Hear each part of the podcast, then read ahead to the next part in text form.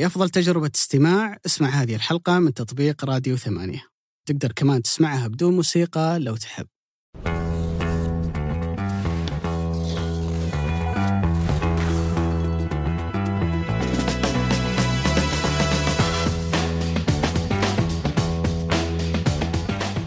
كيفك مع أفلام أبو علي؟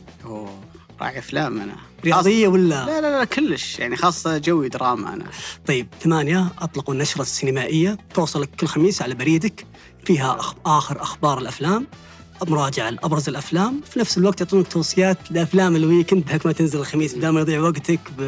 بدون آه، بعد مباريات طبعا. لا أيام فيفا الحين الأمور طيبة. okay. أهلا وسهلا حياكم الله في حلقة جديدة من بودكاست مرتدة نتكلم عن عن نهاية سوق الانتقالات الضخم والكبير اللي شهدته المملكة العربية السعودية وشهدها الميركاتو السعودي على مستوى العالم واللي كان حديث الصحافة حديث الإعلام عن ثاني أعلى انفاق شهدته كرة القدم العالمية بعد الأول البريمير ليج. نتكلم عن 800 مليون يورو دفعت هذا الصيف في الميركاتو على كل الأندية في السعودية. غير الإنفاق المحلي أو الإنفاق على اللاعبين المحليين ممكن يوصل رقم إلى مليار يورو. ونهاية واحدة من من أكثر الأسواق اللي كانت حديث الصحافة والإعلام وحديث كل الشارع الرياضي بمختلف الجنسيات ونتكلم عن عن ثلاث أندية من الدوري السعودي. هي الأعلى إنفاق من الست أندية الكبرى في العالم. الهلال كان في المركز الأول والأهلي كان ثالثا والنصر كان المركز السادس. وأيام فيفا وهدوء عشان كذا خصصنا هذه الحلقة لحديث عن الميركاتو للحديث عن عن الاستراتيجية الجديدة للدوري السعودي في ظل الدعم السخي والكبير للرياضة السعودية وفي ظل التغير الكبير تشهده رياضتنا. صبحك الله بالخير يا أبو علي. خلينا نقول تغير كبير في في منهجية الرياضه السعودية. هلا وسهلا يا أبو علي اصبحك الله بالنور. خلينا نقول إنه انتهى أكثر صيف سخونة ما هو على مستوى الأجواء مع إنه كان حار مرة حتى على مستوى الأجواء لكن على مستوى الأخبار والتفاعل أعتقد إنه هذا صيف ما يمر عليك ساعة إلا لازم تدخل تويتر إكس حاليا تسوي تحديث تشوف في أخبار جديدة من في لاعب قرب من في لاعب تم حسم موضوع التعاقد معه. صيف مثير جدا. العالم كله كان ينتظر يوم 7 سبتمبر عشان ذا الجماعة يقفل سوقهم وكل فريق يضمن إن لاعبه بيبقى عنده. محمد صلاح كلوب يقدر يعني ينام مطمن إنه ما راح يعني يغادر الفريق هذا الصيف. فكان بأمانة صيف مجنون جدا. أنا ما عمري شفت سوق الانتقالات في الدوري السعودي إلين آخر ثانية. أنت تترقب في صفقة بتتم ولا ما تتم؟ وحتى تسمع الأخبار بعد ذلك. قال لك والله إن في صفقة فشلت في آخر 30 دقيقة، في صفقة كان المفروض إنها تتم لكن ما مداهم يسجلون اللاعب، الأشياء هذه ما كنا نشوفها عندنا سابقا فأعتقد إنه الدوري السعودي تحديدا في يوم 7 سبتمبر حرفيا جعل العالم يقف على قدميه ينتظر جماعة ذول وش بيسوون في آخر يوم. فالحمد لله بالتوفيق لكل الأندية والتوفيق لكل اللاعبين. أعتقد أنه صيف حبس الأنفاس حتى آخر ثانية كانوا زعلانين إن الميركاتو حقنا بيسكر يوم سبعة هم الميركاتو عند حقهم تقريبا أو غالبية أوروبا ينتهي قبل بأسبوع فكانوا يقولون ليش ما يكون في خلينا نقول deadline واحد. أو نهاية ميركاتو ثابتة عشان برضو أنا أضمن لعيبتي يبقون معي لأني لو راح مني لاعب مع نهاية التسجيل كيف أعوضه؟ وهذه منطقيا هو عمره كان أصلا في موعد ثابت يعني الجماعة في البريمير ليج مثلا كلوب اعترض على هذا الموضوع. فكان سوقهم يقفل بنهاية أغسطس يعني 31 أحيانا إذا كان ما يوافق يوم عمل يستمر السوق إلى 1 أو 2 سبتمبر. فجت فترة قرروا هم من أنفسهم قال لك والله مضر لنا بالنسبة كأندية إن الدوري شغال نلعب جولة جولتين ثلاث وسوق الانتقالات لسه ما انحسم في لاعب عندي في المجموعة أنا ما أقدر أشركه لأني أخاف إنه ينصاب فبعد كذا ما أقدر أبيعه. فاتفقوا وقالوا السوق يقفل مع بداية الدوري. طبقوا سنتين ثلاث بعدين قال لك لا والله ما ينفع قاعدين نتضرر بطريقة ثانية. ورجعوه صار يقفل مع بقية دول أوروبا. الشاهد أنت غيرت بكيفك ورجعت للنظام القديم بكيفك. لا فيفا تدخل ولا الاتحاد الأوروبي تدخل. ولا حد قال لك أنت ليش قاعد تسوي كذا؟ فليش لما يجي الأمر يتعلق بنا لابد أن سوقنا يكون مرضي لكلوب ولا مرضي للمدرب الثاني ولا لازم يكون الاتحاد في مكان ثاني عاجب الوضع. كل واحد يقفل سوقه في الوقت اللي يبي. أو إنه ينحط نظام عالمي يتدخل فيه الفيفا ويلزم الجميع الحين وفي كل وقت مو بلانه ظهر مشروع جديد ما هو بعاجبهم في مكان ثاني ما هو بعاجبهم يصير لازم أوه لازم الكل يتدخل. طيب ليش ما كان في تدخل الفترة الماضية؟ يعني أحس إنها عرفت اللي دعوة ما- صراحة سخيفة. ما ما, ما لها مسمى غير ما كانوا يبغون يتكلمون يا أبو علي منطقيا لولا إن عندنا ميركاتو بهاي الضخامة. يعني سابقا ما حد يدري الميركاتو السعودي متى بيقفل مم. متى بيفتح بس لما حسوا بالخطر وحسوا إنه في أندية جالسة تغري نجومها ماليا وتغريهم في اللعب في الدوري السعودي صار الموضوع شوي مق- مقلق لهم مم. طيب. اي إيه بلا شك يعني لما تتكلم اليوم إنه أنت ثاني أعلى دوري على مستوى العالم انفاقا هذا الصيف أكيد إنه أنت بتخلق أزمة كبيرة بالنسبة لهم يعني أنت خذيت مكان تعودنا نشوف فيه الدوري الإيطالي الدوري الأسباني تحديدا هم الاثنين اللي كانوا ينافسون الدوري الإنجليزي فطبيعي إن أنت سببت ربكة كبيرة جدا. يعني أنت اليوم أخذت جزء من أفضل اللاعبين على مستوى العالم أنت ما أخذت كلهم يمكن أخذت جزء منهم. كان ممكن تبنى عليهم أندية ثانية كان ممكن يبنى عليهم تعزيز لأندية كثيرة موجودة اليوم. بعض منهم ممكن يرجع تعودنا مثلا زي اللعيبة الفرنسيين وعلى نهاية مسيرته ممكن يعود إلى النادي اللي هو بدأ منه. لكنهم اختاروا مشروع جديد اللي هو الدوري السعودي فبالتالي هم بشكل أو بآخر راح يتضررون فطبيعي إنه ما راح يكونون مبسوطين. لكن تضع هذه الشكوى أو الانتقادات في ميزان العقل والمنطق تجد بصراحة إنه كثير منها ما كان ما كان منطقي. ويجي السؤال تدري الكبير والعريض ابو علي ليش ال- ليش هذا ليش السعودية تستثمر بكرة القدم بهذه المبالغ الكبيرة؟ وكيف إن هذا الشيء بيكون مضر لهم على المدى الطويل.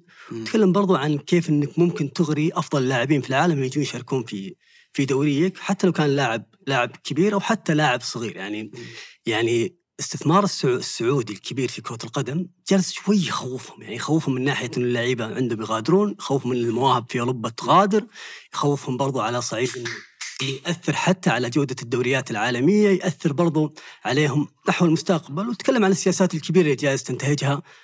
كرة القدم الأوروبية. يعني مثلا ال- الدوري السعودي بالاستراتيجية الحديثة اللي جالس ينتهجها الآن في كرة القدم هي استراتيجية مبنية بشكل رئيسي بشكل مباشر على رفع قيمة الدوري ماليا. أنت تحتاج عشان ترفع قيمة الدوري ماليا محتاج استثمارات ضخمة وكبيرة أموال تقارع فيها.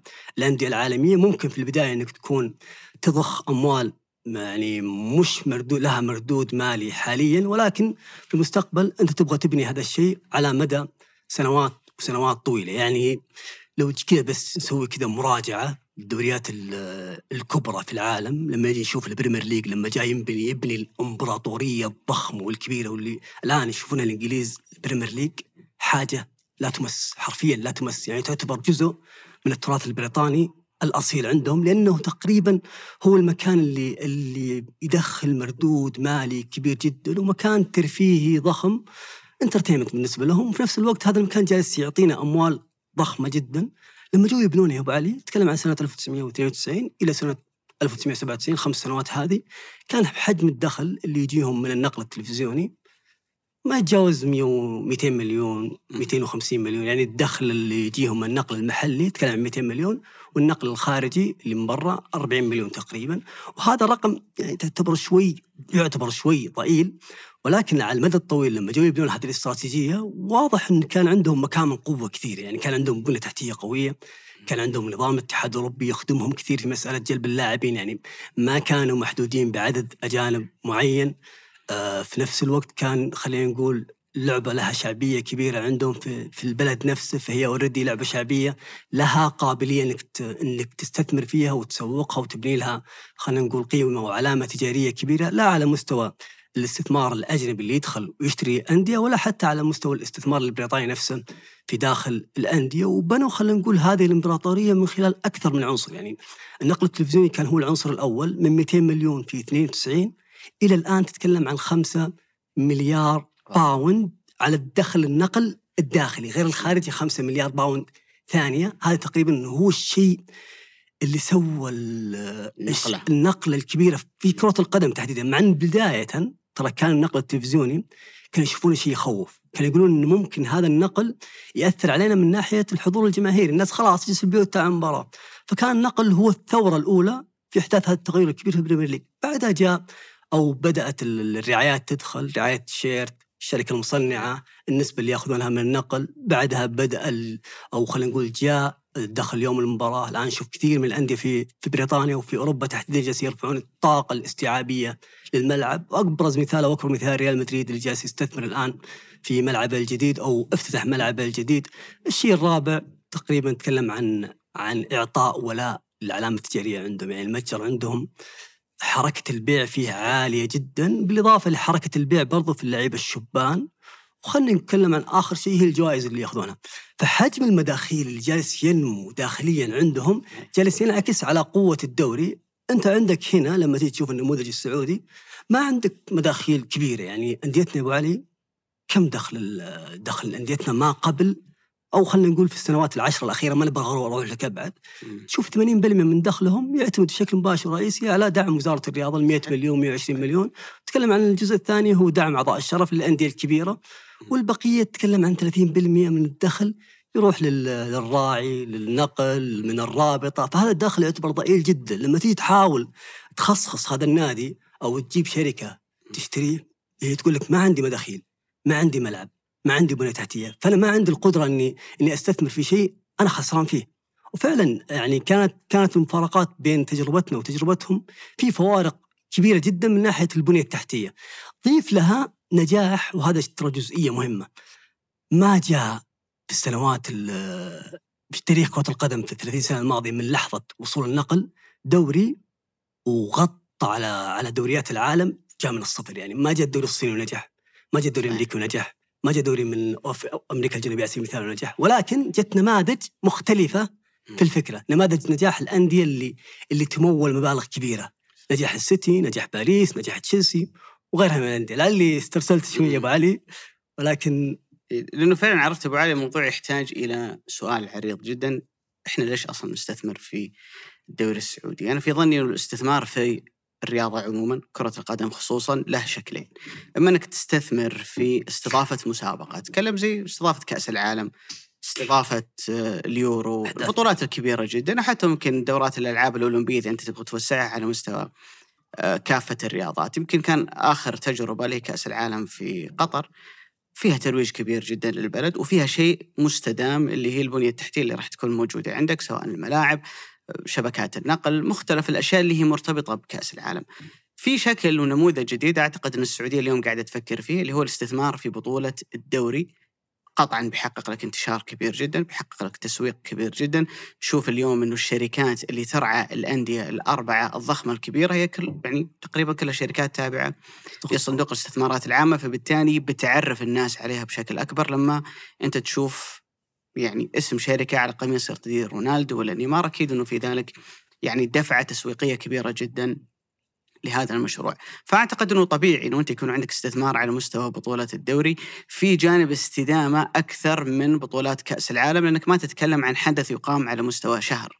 لكن إذا أنت بتربطه كمان بتطوير في البنية التحتية تطوير في الملاعب بتحقق نوعا ما الهدف اللي أنت تستفيده من كأس العالم اللي هو التطوير وبناء بنية تحتية آه، مستمرة عندك. ولكن أبو عالية أنا أحس الموضوع ممكن يروح إلى نقطة أعمق من ذلك أنه لماذا نحن في هالفترة تحديدا قررنا نستثمر في الدوري السعودي؟ أولا إحنا ما بدينا من الصفر الدوري متابع وجماهيري وعندنا حضور وجماهيري واهتمام كبير جدا بالمسابقة وهذه نقطة ممكن تميزنا على بلدان عديدة. حاولت أنها تسوي شيء قريب من ذلك تكلم زي أمريكا في التسعينات تكلم زي الصين يعني قبل كم سنة. نتميز عنهم إنه اللعبة هي الشعبية الأولى عندنا. صحيح. معظم السكان البلد من فئة الشباب. الهواية الأولى بالنسبة لهم والمتنفس الأول بالنسبة لهم هي كرة القدم. ولكن في نقطة ثانية مهمة جدا أنا أعتقد إنها ما أعطيت حقها يعني من من الحديث. في تقرير مهم جدا نشر من ترانسفير ماركت اللي هو أكبر موقع يهتم بسوق الانتقالات. في يوم 30 أغسطس يعني لسه باقي على نهاية السوق السعودي تكلم حوالي ثمانية أيام قالوا هذا هو أعلى سوق انتقالات في تاريخ كرة القدم صحيح. انصرف عليه فلوس. تفوق على الرقم اللي كان في 2019 2019 كان في نمو تدريجي. وصلنا إلى 2019 كان الذروة. ترى كان المفروض يكون 2020 2021 22 أعلى منه. بعدين جت أزمة كورونا. وأزمة كورونا ترى غيرت كثيرا كثيرا في المشهد الرياضي في أوروبا. خلينا ناخذها بالأرقام أبو عاليه 18 19 اللي هو آخر موسم ما قبل إن يبدأ تأثير كورونا لأنه بدأ في نهاية 2019 بداية 2020 إنجلترا كانوا صارفين الدوري الإنجليزي 1.6 مليار يورو. وراهم على طول كانت إيطاليا 1.3 مليار يعني فارق 300 مليون. وراهم إسبانيا ب 1 مليار يورو خلال سوق الانتقالات ذيك. 2020 2019 2020 إنجلترا زادت شوي من 1.6 ل 1.8 21 تقصد؟ لا 2019 2020 أوه. الموسم اللي بعده ظل النمو مستمر بالنسبة للدوري الإنجليزي من 1.6 إلى 1.8 لكن إسبانيا وإيطاليا ظلوا قريبين من 1.5 و1.4 نتكلم عن فوارق لا تتجاوز 200 300 مليون يورو ما بين الدوري الإنجليزي وأقرب دوري له. الأزمة يا أبو عالية صارت الموسم اللي بعد كورونا اللي هو 21 22 الدوري الإنجليزي نزل تكة 1.7 مليار الإيطالي نزل إلى 800 مليون الإسباني نزل إلى أقل من 400 مليون. وظل هذا النزول مستمر إلين الموسم الماضي. الدوري الإنجليزي حقق انفجار مرعب زاد من 1.7 مليار يورو إلى 3 مليار يورو. تقريبا الضعف. أوف. إيطاليا ظلوا في حاجز ال 800 إسبانيا زادت شوي إلى 568 مليون يورو. اللي أبغى أقوله أبو علي أن ما قبل كورونا كان الدوري الإنجليزي الإيطالي، الأسباني قريبين منا إلى حد ما، الألماني والفرنسي بعيدين شوي يعني عن الموضوع، لكن ما بعد كورونا حرفيا البريمير ليج ابتلع السوق. وإذا ما صار فيه تغير في في مشهد كرة القدم العالمية، إحنا رايحين باتجاه إنه البريمير ليج بيصير هو NBA كرة القدم.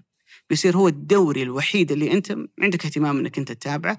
ممكن تروح تشوف الأندية هذه لما تلعب مع العمالقة في دوري أبطال أوروبا بس بشكل أسبوعي في نهاية الأسبوع ما أعتقد إنه بيكون عندك حماس كبير. وخلني مني أنا وياك يا أبو عالية أنا ممكن عندي ارتباط بكره القدم الإسبانية أنت عندك الإيطالية من القدم.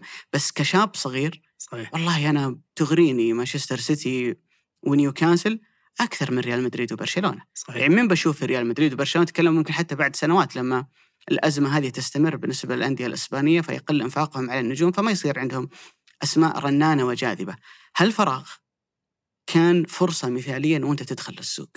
لأنك تقدر تأخذ حصة كبيرة من اللاعبين اللي ما ينافسك عليهم تقريبا إلا الدوري الإنجليزي. صحيح. يعني هذا المبالغ اللي أنت دفعتها، أوكي تقدر تغري كثير من اللاعبين حتى اللي موجودين في الدوري الإنجليزي بس ما راح تجد ممانعة كبيرة جدا من الأندية الإيطالية والإسبانية إنها تبيع بنهاية الأمر سيلتا فيغو أعطاك جابري فيغا الدوري الإيطالي قدرت تاخذ منه سافيتش قدرت تاخذ منه أكثر من لاعب مميز لأنك ما يقدرون يوصلون معاك إلى نقطة الرواتب اللي أنت تدفعها أو المبالغ اللي أنت تشتري فيها. فأنا أعتقد إنه إلى جانب مثل ما قلنا إنه استثمار مهم جدا مثل ما تستثمر في استضافة أحداث أو بطولات كمان التوقيت له دور مهم جدا لأنه ما بين 2019 و2023 اللي قالوا ترانسفير ماركت إنه تجاوزنا هذا الرقم انخلق فراغ كبير جدا. لو ما جاء الدوري السعودي وعباه كنا حنظل مستمرين في إنه البريمير ليج يروح بعيد والدول الأخرى تتراجع وفعليا قاعدة تنسحق تماما.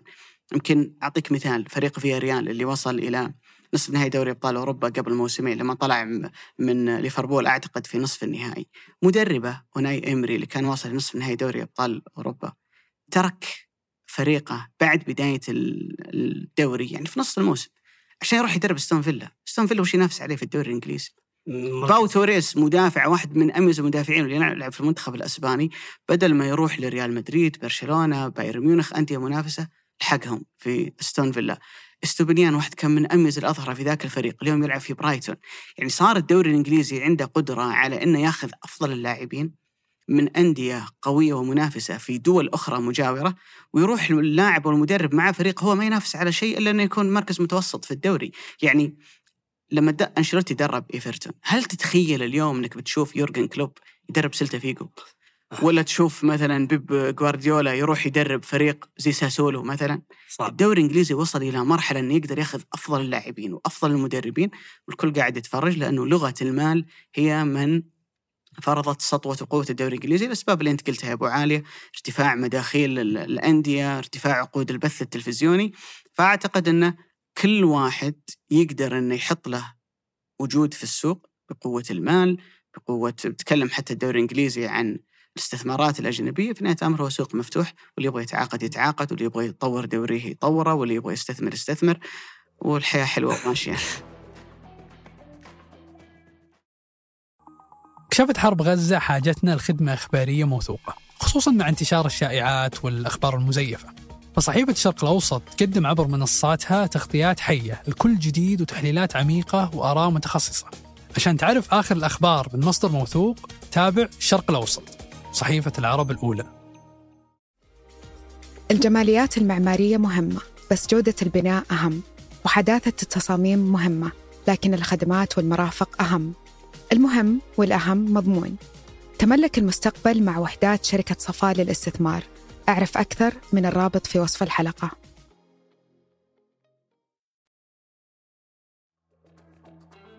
أنت لما قلت إنه إنه وصل أو بدأ الرقم الأضخم في تاريخ الميركاتو سنة 2019 معلومة كذا الهامش سنة 2019 كانوا يتوقعون إن برشلونة يقترب في العام التالي من 2019 إلى ويكسر حاجز المليار يورو كمداخيل كمداخيل، يعني وصل صحيح. 900 مليون وكان قريب إنه يكسر حاجز المليار يعني مم. رقم كبير جدا مم. الآن نتكلم عن سنة 2023 أعلى نادي مداخيل المان سيتي، المان سيتي تقريبا أخذناها بالباوند 613 مليون pound مداخيله. ال Man City اللي هو النموذج اللي كنت أتكلم عنه قبل شوي اللي هو النجاح النجاح المالي في دوري قوي لما يكون عندك أموال كبيرة وضخمة كيف تستثمرها في البنيه التحتية وفي العلامة التجارية وكيف تنمو معها في طوال 13 سنة اللي اللي تم شراء ال- السيتي من مجموعة مجموعة City Football Group، City Football Group لما شروه كان دخله 100 مليون، الآن نتكلم عن دخل يوصل إلى 600 مليون وهو الأعلى في العالم، النموذج البريطاني واللي خلاه مكتسح على صعيد على صعيد ال- ال- المالي عن جميع الدوريات الأخرى، نتكلم عن عاملين مهمة، العامل الأول هو نظام إن الأندية مخصصه فهي اوريدي يجب عليها الاستثمار في رأس المال، يعني أنت جاي مستثمر يا أبو علي،. عندك نادي تملك خلينا نقول نادي استون فيلا. أنت لما تيجي تاخذ استون فيلا وتطلع أرباحك وإيراداتك السنة هذه والله أنا باخذ ربحي مثلا 50 مليون. باخذها في جيبي؟ لا مم. ما تاخذها في جيبك. لو بتاخذ ال 50 مليون دي في جيبك أنت راح تدفع ضريبة 100% يعني راح تدفع 50 مليون ثانية للحكومة لأنك. أخذت أرباح من قيمة الأصل اللي أنت جالس تملكه فلذلك النمو وين يكون؟ النمو في رأس المال. أنا أنمي النادي بدل ما يكون قيمته السوقية 200 مليون مثلا أنميه أكثر وأكثر بحيث يوصل أرقام كبيرة وأكبر من كذا. النموذج ال- الإيطالي وال وال والأسباني مختلف تماما يعني برشلونه ريال مدريد هي هي نفس فكرة الأندية سابقا في السعودية جمعيه عمومية وتصويت ومختلفة تماما في الفكرة والأسلوب عكس ال Premier League اللي صنع هذا النجاح ال- الكبير. لذلك ال- الشيء الثاني اللي خلينا نقول صنع الفرق الكبير هي تقسيمة حقوق النقل. يعني نتكلم عن 5 مليار يورو دخل من داخل بريطانيا و5 مليار عفوا pound دخل من خارج من خارج بريطانيا. نتكلم عن 10 مليار. هذا الرقم كبير جدا. وطريقة تقسيمه شوي فيها عدل ترى. مش قاسيين زي الدوري الأسباني أو الدوري الإيطالي في مسألة توزيع ال- الحقوق. لا نتكلم عن 50% بالتساوي و25% على ترتيب النادي و25% على ال logistics الخاص في الملعب. يعني في نهاية الأمر بتلقى الأول السيتي مثلا هذا الموسم أخذ تقريبا 200 وشوي مليون آخر نادي اللي هو ولفرهامبتون على ما أعتقد تقريبا في ال 120 فما في ذاك ال gap الكبير بين مم. أعلى نادي وأدنى ما نادي. تحس الثانية مرتبطة بالأولى يا أبو علي؟ إنه أنا إذا بجي أستثمر في الدوري فبالتالي أبغى أحقق عوائد. فإذا حصة كبيرة خلينا نقول 40 50% من العوائد قاعدة تروح لناديين زي ريال مدريد وبرشلونة في الدوري الأسباني. أنا وش بجي أسوي ما بين معهم صحيح. يعني. فأنا أعتقد إن الثانية ممكن تكون مرتبطة بالأولى بشكل كبير جدا. هم مرتكزين جدا الدوري الإنجليزي على نقطة الاستثمارات الأجنبية. يعني شوف الإماراتيين كيف طوروا السيتي. تجربة آه، أبراموفيتش مع تشيلسي والآن مع تود بويلي اللي هو قاعد بس يكمل المشروع. كيف حول تشيلسي من فريق كان في وسط جدول الترتيب إلى فريق ينافس على كل شيء وفاز بدوري أبطال أوروبا مرتين. وقس على ذلك المشاريع الطموحه اللي تحاول أنها تنمو. ممكن يعني أكثرها أهمية بالنسبة لنا اللي هو مشروع نيوكاسل. فبدون الاستثمارات الأجنبية اللي أنت سمحت لهم وحطيت لها قوانين وتشريعات وسمحت لهم إنهم يدخلون للسوق ويضخون هذا الكم من الأموال ما كان الدوري حقك راح يتطور بهذا الشكل. يعني ترى ما ننسى في الثمانينات والتسعينات اللاعب الإنجليزي كان يروح يحترف برا لأنه المنافسات الحقيقية كانت برا الدوري الإنجليزي. جاري لينكر يعني مر بتجربة في برشلونة كيفن كيجن لعب في الدوري الألماني غيرهم كانوا يروحون يلعبون فترات اللاعبين يلعبون في الدوري ال- الإيطالي فكان اللاعب الإنجليزي المميز ترى غالبا ما يقعد في إنجلترا. اليوم كل الإنجليز المميزين تقريبا باستثناء هاري كين وبلينغهام يلعبون في الدوري الإنجليزي لأنه بتحصل رواتب عالية بتحصل دوري تنافسي وقوي. من وين جاء الدوري التنافسي والقوي؟ من الفلوس اللي جت من استثمارات أجنبية. فأعتقد إنه ممكن تكون طريقة الإنفاق مختلفة أنه هنا تفتح الباب للاستثمارات وهنا أنت بنفسك تنفق على الدوري لكن ليش لا؟ مستقبلا تشوف استثمارات كبيرة موجودة عندنا. يعني ترى أصلا مين اللي قاعد ينفق على كرة القدم عالميا؟ الغالب هم مستثمرين من دول الخليج أو أمريكا. صحيح. الخليجيين اليوم شوف كيف طوروا باريس سان جيرمان كيف طوروا مانشستر سيتي يسير على نفس الخطى الآن اللي هو نيوكاسل فلما تكون أنت عندك رغبة في الاستثمار وغالبيتهم عنده مجموعة أندية مثلا زي الشيخ منصور بن زايد عنده أكثر من نادي يمكن الناس تعرف مانشستر سيتي لكن عنده استثمارات في الهند وفي أستراليا في أكثر من مكان. فلما انت تهيئ البيئة بعد كم سنة أتوقع إنه بالنسبة له بيكون مغري إنه يستثمر في الدوري السعودي. القطريين ممكن يستثمرون في الدوري السعودي، ممكن تفتح حتى للأمريكان وغيرهم يجون يستثمرون عندك إذا حطيت قوانين وتشريعات، فأنت زي اللي قاعد تعمل الانطلاقة، زي اللي قاعد تعمل تثير خلينا نقول الضجة والسمعة الكبيرة حوالين الدوري إلى أن يصبح مشاهد ومتابع ويصير مطلوب حقوق بثة في كل مكان في العالم بعدها وتهيئ الملاعب هذه نقطة مهمة جدا. فممكن بعد كم سنة تفتح الباب لاستثمارات أجنبية وينخلق عندك آه، سوق كبير جدا. هي تهيئة للبنية التحتية تهيئة للاستثمارات وقيمة الأموال. الآن أنا لو أجيك كمستثمر خارجي أتكلم الوقت الحالي إحنا نتكلم عن قيمة أو مداخيل الأندية من مش كثير أتكلم عن 200 مليون عفوا 20 مليون 30 مليون في الدوري السعودي. بس لما يكون عندك أو حسب الاستراتيجية اللي, اللي وضعتها رابطه المحترفين للدوري تكلم عن مليار و800 قيمة مداخيل. من الرابطة غير مداخيل كل نادي على حدة. تكلم عن رقم كبير جدا ممكن ياخذ كل نادي وبكذا يعطيك شوي سيولة من مسألة أو أريحية في مسألة إنك تكون مستثمر على صعيد كرة القدم. ونفس الكلام ينطبق على على على النادي نفسه. لما يكون النادي نفسه عنده ملعب عنده بنيه تحتية كويسة عنده رعايات كبيرة يقدر ان يقدر أنا كمستثمر آخذ الريسك وأستثمر في كرة القدم، لذلك ترى الآن الامريكان مركزين على كرة القدم الإيطالية من ناحية استثمار، ليش؟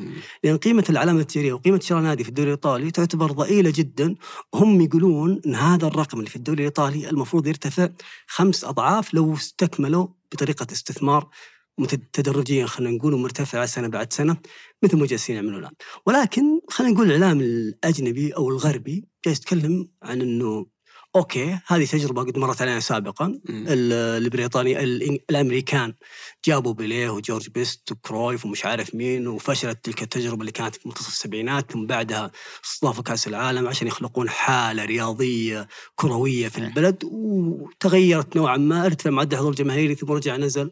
جت التجربة الصينية اللي اللي خلينا نقول كانت أكثر التجارب رعبا على على الأوروبيين واللي أخذت تقريبا ثلاث إلى أربع سنوات وانهارت بعد انهيار أو بعد وباء وباء كورونا. الآن هم يتكلمون يقول لك طيب الدوري السعودي حيدفعون وحيخسرون أموال كبيرة من الشركات، بعد الشركات ما راح تلقى ذاك المردود نفس ما صار على الكرة الصينية وبعدها تفلس أو أو تفنش وخلاص تقفل الأندية وتفلس مثل ما صار في الصين، يعني في الصين تكلم عن عن مشروع أو قائد هذا المشروع. كان رئيس البلاد في سنة 2011 لما قال إنه إنه خطتي إلى 2050 وأنا بستثمر في ثلاث أشياء. أول شيء إني بستضيف كأس العالم ثاني شيء إني بشارك كأس العالم ثالث شيء عام 2050 راح أحقق كأس العالم. واضح إنه كان كان متفائل جدا. فكان من ضمن الأشياء اللي حاطها قال ببني خمسين ألف أكاديمية راح راح أعلم المدارس أو راح أعلم الطلاب في المدارس كرة القدم. راح أبني حالة اجتماعية جديدة تجاه كرة القدم بحب بحكم إنه هو أصلا محب لكرة القدم. فكان يبغى يبني يبني حراك ثقافي اجتماعي خلق حالة جديدة لبلد ليست كرة القدم بالنسبة له اللعبة الشعبية الأولى ولا هو بلد يحب أو يميل لكرة القدم ودولة ناجحة على مستوى الألعاب الفردية. يعني عندهم النجاح الكبير على مستوى أنهم ياخذون نجم أو لاعب ويهيئون إنه إنه يكون نجم في الاولمبياد ويحقق ميدالية ذهبية. فنموذج النجاح على صعيد الاولمبياد ما لا يشبه ابدا نموذج النجاح على مستوى إنك تبني حالة أو شيء تبني حالة اجتماعية لأنك إذا بنيت الحالة الاجتماعية ذي من خلال ضخ الأموال الكبير هذا اللي أنت تدفع الشركات راح تجيب جماهيرية في اللعبة، راح ترفع حقوق النقل، راح يكون عندك الإنكم أو دخل يوم المباراة مرتفع، راح يكون عندك بيع المتجر مرتفع، فأنت بتخلق حراك اجتماعي في في بلد ما تنتمي لكرة القدم. فكان هذا الشيء تقريبا هي هي الصعوبة.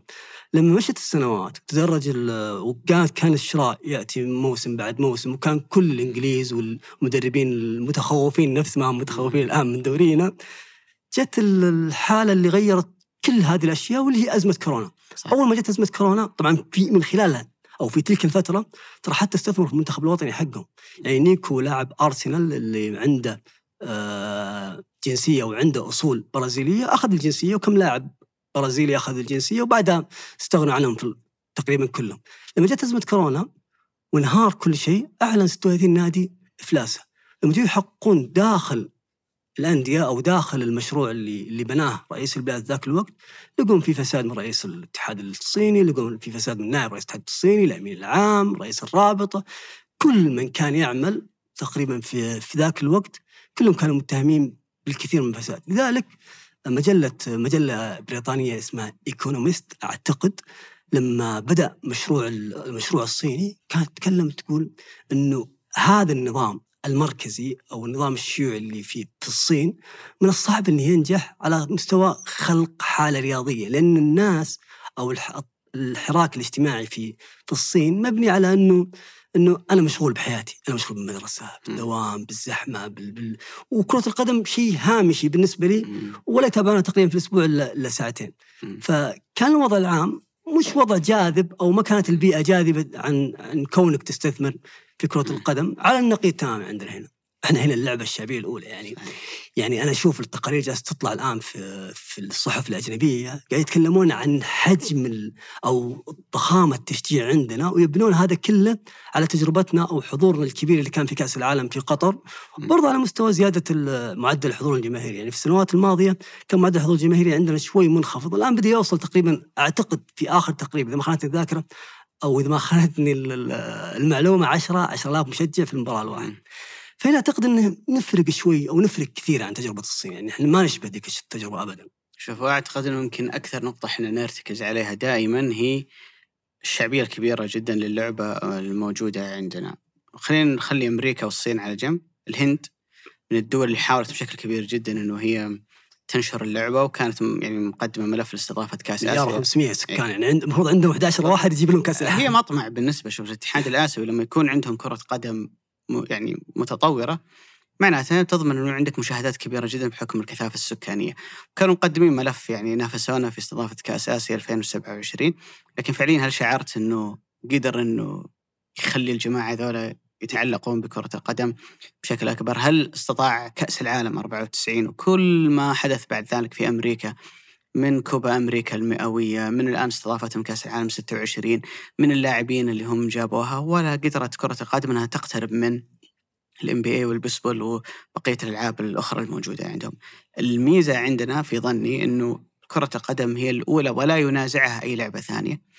غالبية السكان من الشباب فبالتالي هي مصدر الترفيه الأول بالنسبة لهم متوسط دخل الفرد عندنا الناس يعني يا رب لك الحمد تعيش حياة مرتاحة فبالتالي زي ما قلت إنه النموذج إنه الشخص أصلا عنده وقت واهتمام بالفعاليات الترفيهية بشكل عام ومن بينها كرة القدم فبالتالي لما تخلق دوري قوي وتنافسي الناس تجيك بالحالها ما تحتاج انت تجيبهم ولا تعبي فيهم الملاعب ولا أي شيء من هالقبيل. نقطة ثانية أبو عالية إنه المشروع ما كان خلينا نقول حاجة كذا فردية أو شيء خلينا نقول مشروع وحيد أنت قاعد تحاول تستثمر فيه. هو جزء من رؤية كبيرة جدا اللي هي 2030 اللي تشمل أشياء عديدة جدا. فبالتالي إذا أنت نجحت في ملفات عديدة من هذا النوع ما أعتقد أنه تطوير الدوري وصناعة دوري قوي وتنافسي بيكون صعب عليك طالما أنت نجحت في كثير من الملفات الثانية. في الصين وفي أمريكا وفي كل النماذج اللي يحاولون انهم يقيسون عليها ما وصلنا إلى هذا العدد. من اللاعبين المميزين وأيضا إلى النوعية يعني الدوري الصيني ما لعب فيه واحد زي بنزيما صحيح. ولا فيه واحد زي نيمار ولا رياض محرز ولا كريستيانو رونالدو ولا كل اللعيبة الآخرين المميزين الموجودين عندنا. وإن كانوا يروحون مثلا زي الدوري الأمريكي زي ما قلت بيليه وبيكنباور وأكثر من عنصر لكن كانوا يروحون كأفراد أو يروحون يلعبون في فريق واحد. زي اليوم مثلا نفس الأمر قاعد يستمر تجربة إنتر ميامي. تكلم عن ميسي جوردي ألبا وبوسكيتس فريق واحد. طيب بقية أندية الدوري ما لهم علاقة في الموضوع. اللي قاعد يصير في الدوري السعودي إن الدوري كله قاعد يتغير.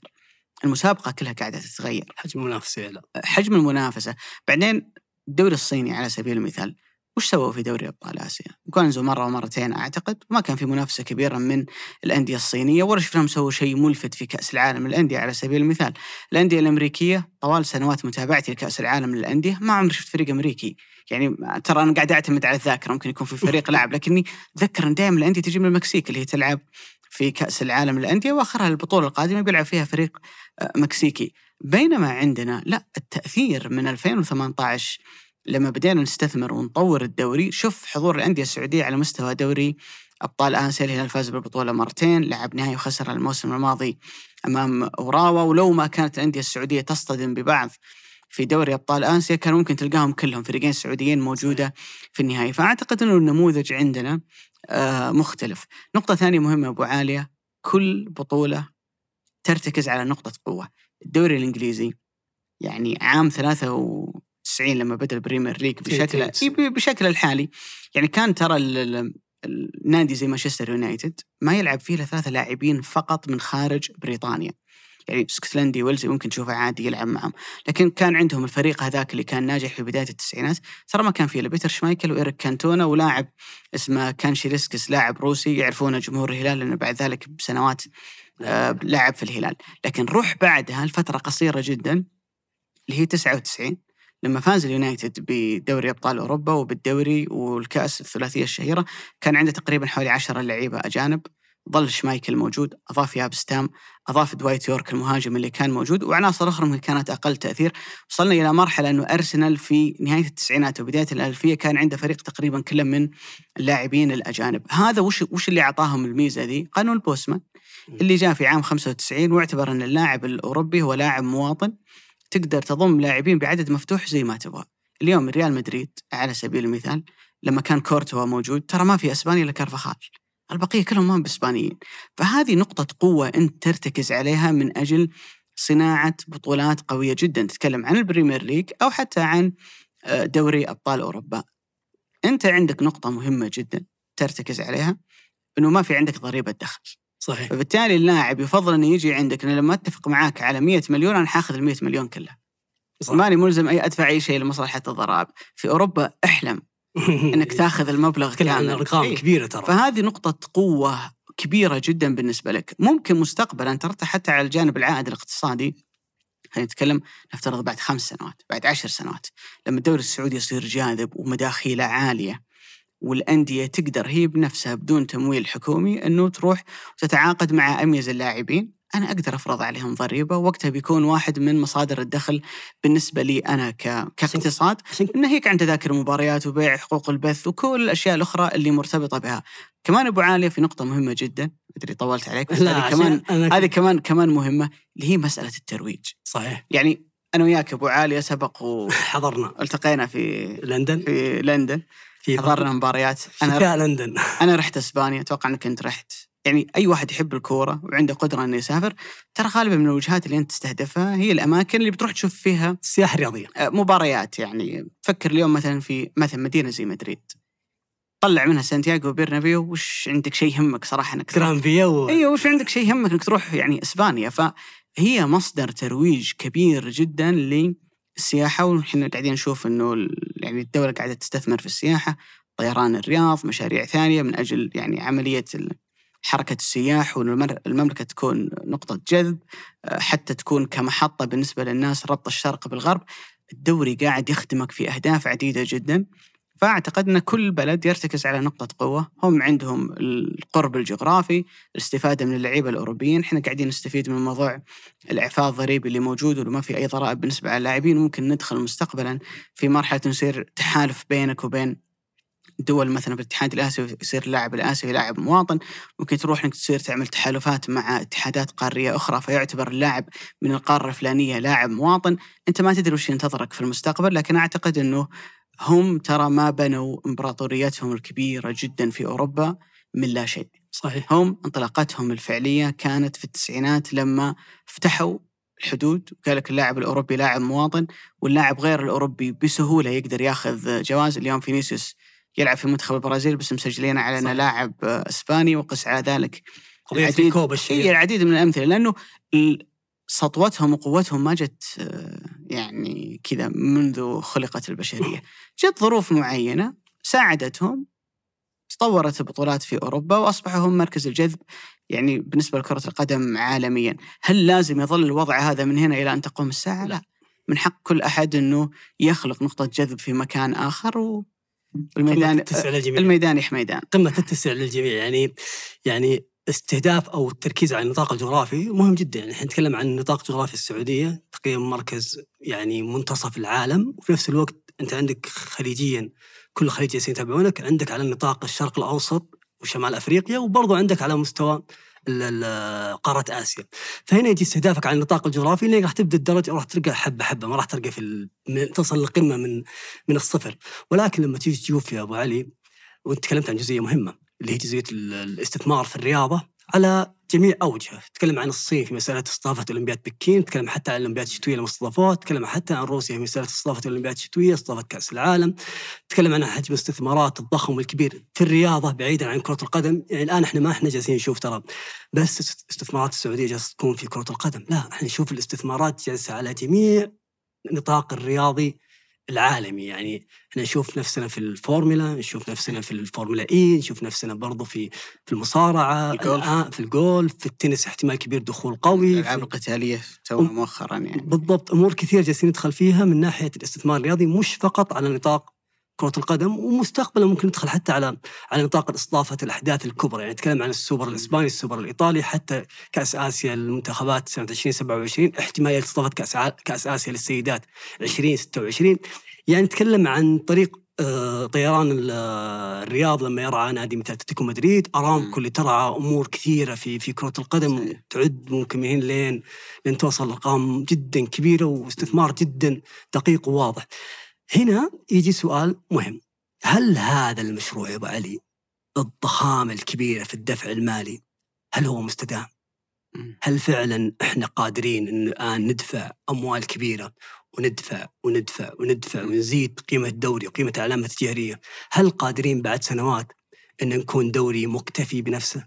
يعني قادر يحقق دخل من نفسه.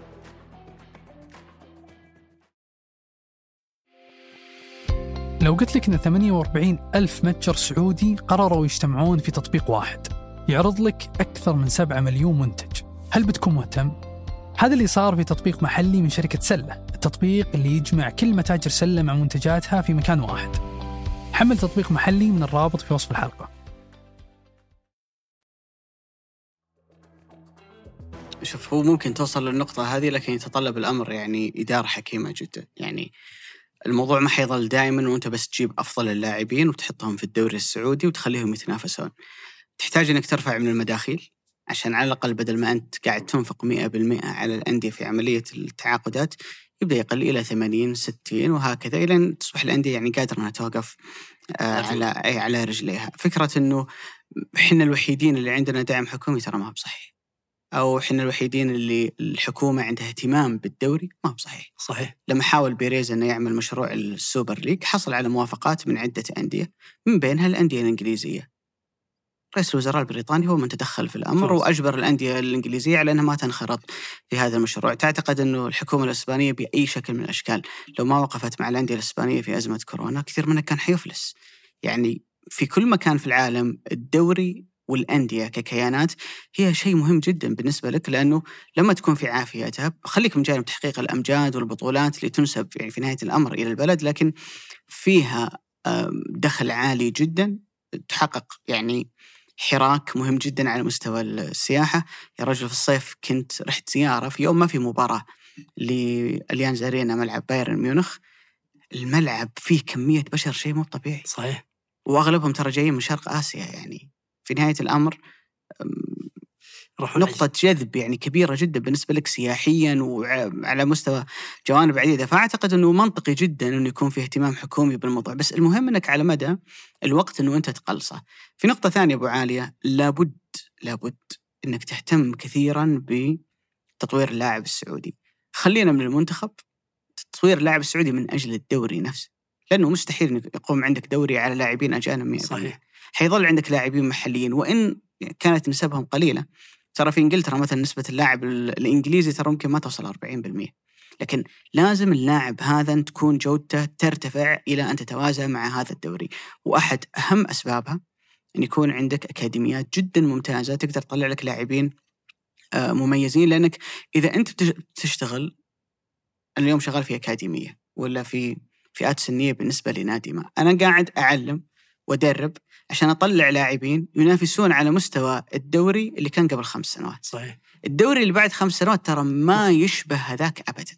فإذا أنت بتظل تشتغل بنفس الآلية وتعطي نفس المخرجات بيكون في فجوة كبيرة جدا، وهذا ترى أمر تهتم فيه كل الاستثمارات اللي على مستوى كرة القدم، لو تفتح اليوم تدخل جوجل تقرير مثلا من أي صحيفة أو موقع يهتم بالاقتصاد الرياضي عن أكثر الأندية تحقيقا للأرباح من بيع اللاعبين اللي طالعين من الأكاديمية.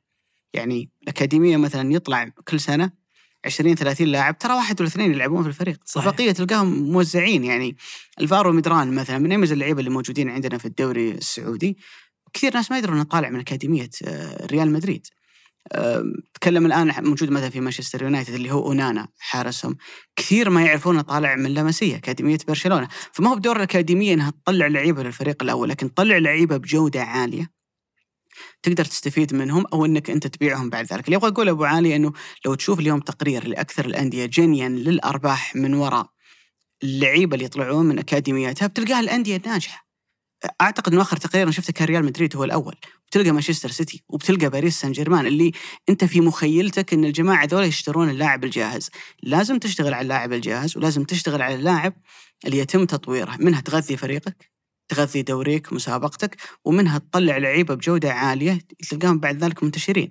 اليوم مثلا تكلم عن أحمد بام مسعود تكلم عن عبد الله المعيوف فهد الرشيدي في الأهلي. لعيبة كثير ما هم موجودين في الهلال بس طالعين من الفئات السنية للهلال صحيح. فلما يصير عندك اهتمام كبير جدا بإخراج لاعب بجودة عالية يتماشى مع قوة الدوري كبنية جسمانية لأنه الدوري اليوم بدنيا صار صعب جدا كتقنيات وتكنيك لاعب طورة بشكل كبير جدا بيثري المسابقة بشكل كبير جدا وبيخلي الأندية ما تعتمد اعتماد كبير على اللاعب الأجنبي. بيصير في لاعب سعودي ممكن يكون أقل تكلفة وبجودة عالية جدا وبيوصلنا بعدين للهدف اللي الناس كلها أيضا يهمها اللي هو موضوع المنتخب لكن أعتقد إنه من أجل استمرارية المسابقة تحتاج إنك اللاعب المحلي لازم ترفع جودته لأنه بيصير عندك فارق واضح ما بينه وبين اللاعب الأجنبي ويساعدك زي ما قلنا على موضوع الاستدامة اللي يساعد الناس ذولا في إنهم يخلقون دوري قوي وهذه نقطة ما هي عندنا لابد إن نعترف فيها.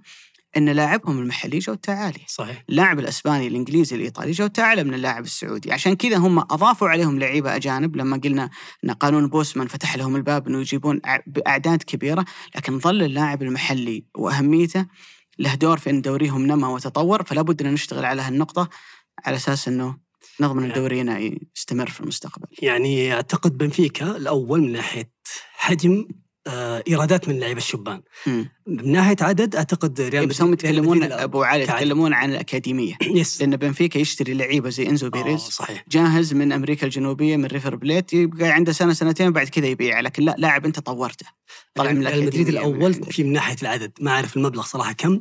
ولكن فعلا في يعني ريال مدريد من الأندية اللي ما كانت ترى كلهم يعني حتى أنا صدمت. لما شفت السيتي وباريس سان جيرمان يعني لأنه يصير فيه اهتمام يعني أنت شوف السيتي كم لاعب طلع في السنوات الماضية يلعبون في مختلف ال- ال- اللي مثلا زي إبراهيم دياز اللي في ريال مدريد. ترى طلع من السيتي صحيح. وقس على ذلك كثير. هم العادة يودونهم ترى حتى لو كان لاعب ليفله أقل يودونه للانديه المملوكة لهم. ستيفت بالجروب توديه نادي ملبورن في أستراليا مثل اللاعب الأسترالي وتوديهم برضو للانديه المملوكة لهم. بعدين يرتفع قيمته ثم تبيعه. للأندية الأخرى. هذا ال- الشاهد إنه هذا لا يعني إنك ما تستثمر في اللاعب المحلي. مهما كنت تنفق على اللاعب الجاهز لاعب فريق أول كمان لازم تستثمر في أكاديميتك واللعيبة الصغار.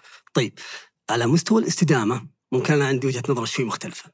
آه بروفيسور وعالم في الاقتصاد الرياضي والجيوسياسي اسمه شادويك طبعا هذا يست- يستشهدون فيه كل الإعلام تحديدا الإنجليزي بحكم إنه رجل يعني ذو خبرة واسعة.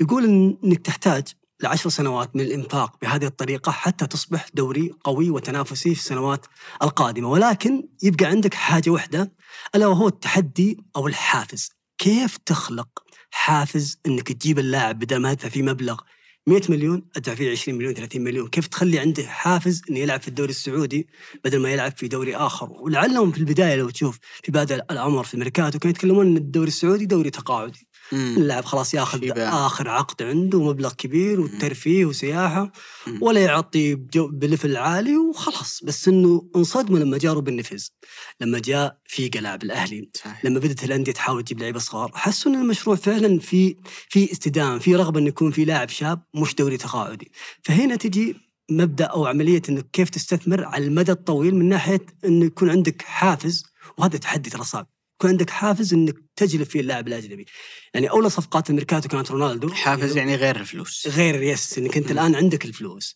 مم. بس الفلوس مو شيء مستدام راح تخلق لك. عجز على المستوى أو على المدى الطويل مم. بيكون مشروعك مش مستدام مشروع خسران في نهاية الأمر. دافع دافع دافع مم. بس ما انت جالس تبي وش ممكن. يحفز اللاعب طيب أبو علي غير الفلوس؟ أنا بجيك هنا عند النقطة هذه اللي هي الجزئية الأهم بالنسبة لي أنت عشان تجيب اللاعب الصغير يجي يلعب عندك لازم يكون عندك دوري قوي يعني بداية الميركاتو كنا نفاوض وفي صعوبة ويلا تعال. شفنا صفقة نيمار في ثواني تقريبا انتهت الصفقة بدون أي صعوبة وكأن الصفقة عادية ومتقبلينها إحنا والوضع عادي. حتى لدرجة أن نقول آه نيمار يصلح ما يصلح. الجمهور جالس يقول. نبغى غيره يعني. فأنا أعتقد أن الحافز هي المنافسة.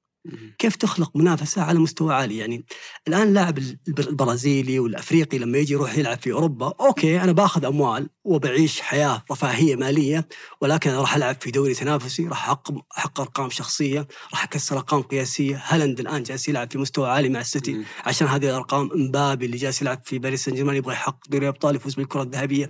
ففي حافز تحقيق مجد شخصي داخلي. هذا لو قتله وهذا التحدي ترى صعب لو قتله المال وعشان كذا صفقه روبن نيفيز وفيجا أثرت على الإنجليز لأنه شافوا إن المال تغلب على الحافز. بس أنا عشان أخلق الحافز لازم أخلق منافسة غير الدوري السعودي. مم. لازم. يعني أنا ما بقول لك دوري أبطال آسيا. لأنه من الصعب إن كل اللي في. دوري أبطال آسيا معك في نفس الخط إيه، ولا حتى مم. الخليج ممكن الخليج لسه ما بعد دخلوا. في يعني ممكن يكون بيننا وبينهم يعني مشروع كذا ضخم من ناحية جلب اللاعبين ولكن أنت عندك خلينا نقول ميزة إضافية إنك تستثمر في ال Super League. ال Super League هو مشروع بيريز. وبيريز لما بدأ هذا المشروع. كل الأجانب أو كل الأندية تخوفت من هذا المشروع لأنه إيش بياخذ؟